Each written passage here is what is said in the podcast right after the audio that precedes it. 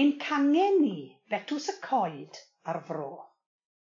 Mae'n debyg mai betws y coed yn rhanbarth Aberconwy yw'r pentref gyda'r enw mwyaf cyfarwydd i ymwelwyr sy'n ymweld â Chymru o bob rhan o'r byd. Pawb wedi clywed am y lle, er na allant ynganu'r enw yn dda iawn. Mae'n bentref tlws a phrysur iawn ym Mharc Cenedlaethol Eryri ac yn ganolfan i bob math o weithgareddau awyr agored, a cherdded, rhedeg a beicio. Mae'r gangen yn cyfarfod mewn stafell braf yng nghefn neuaf goffa Betws y Coed, ac mae'r cloc trawiadol a wneithbwyd ar gyfer arddangosfa Merched y Wawr yn Eisteddfod Sir Conwy 2019 yn cymryd ei le yn wych yn yr ystafell. Daw aelodau'r gangen o bedwar ban, o Ddelwydd Elan, Capel Curig, Ysbyty Ifan a Betws y Coed. Mae'r aelod hynaf yn gant ac un. Bu llun Mrs Bec Griffiths yn y wawr llynedd, a llywydd anryderus y gangen yw Mrs Dilys Thomas, sy'n naw deg dwy oed. Bydd y gangen yn dathlu'r air yn ddwy fil dau ddeg un ac mae cryn edrych ymlaen at y dathliad. Mae'r aelodau'n hynod brysur gan fwynhau cymryd rhan yng Ngweithgareddau'r mudiad yn genedlaethol a rhanbarthol gan gefnogi sadwrn y dysgwyr, noson chwaraeon, gwyl y pum rhanbarth, cynio'r llywydd, gwyl haf a chynlleth, ffair haf Aberconwy sioe fawr Llanelwedd, y cwis hwyl, a gwasanaeth caroler Rhanbarth.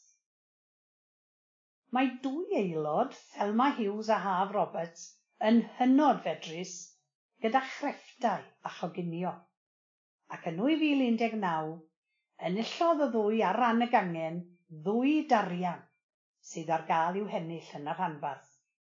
Tarian Mrs Eluned Roberts am barciau uchaf ar gyfer cwpan Radi Thomas yn y sioe fawr.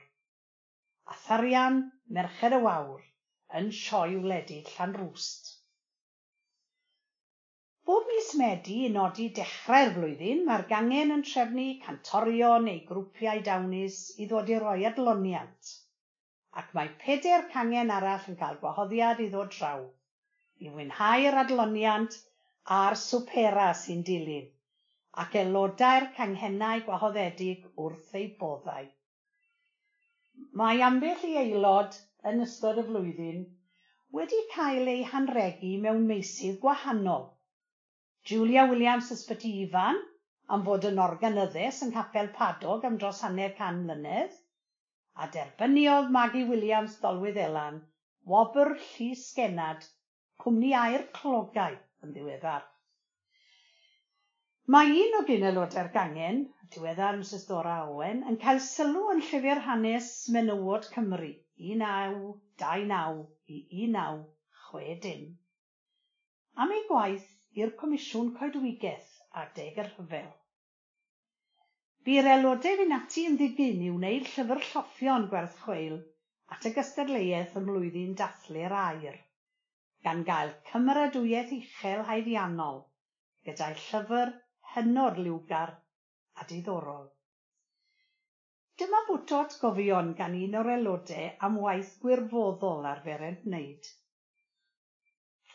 Braf ydy edrych yn ôl ar rai o weithgareddau'r gangen yn y gorffennol.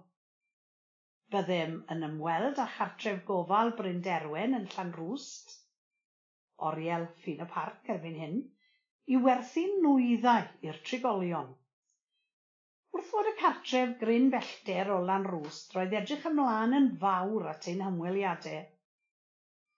Pob wythnos byddai dwy neu dair ohonom yn mynd ar siop fach yno. Yn aml byddai rhai o'r trigolion wedi archebu rhai o'i hoff bethau ers ein ymweliad blaenorol. Ffrwythau, bisgedi neu fferins. Roedd croeso mawr i ni yno a'r trigolion yn rhuthro i'n cyfarch a chael prynu bethau o'r siop bach. Rhai yn blysur orennau ac yn ei cuddio o dan ei dillad, neu yn amnelu am y llofft i nôl arian i brynu siocled.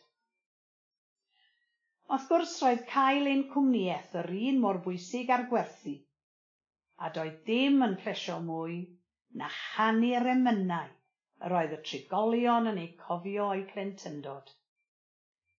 Ar ôl holi'r rheolwyr be fedrwn ni wneud i geisio gwneud bywyd yn haws i'r trigolion, cytunwyd ar brynu cadeiriau hael fel y gallai pawb gael ymlacio yn yr hael. Gwelsom hefyd fod angen darluniau ar y waliau. Roedd pawb yn hynod ddiolchgar i ni ac yr oeddem fel aelodau o'r mudiad yn falch i fedru rhoi rhywbeth i'r gymuned arbennig oedd yng nghartref Bryn Derwen. Darllenwyd yr erthygl hon gan Gillian Jones, aelod o Gangen Llambed yn rhanbarth Ceredigion.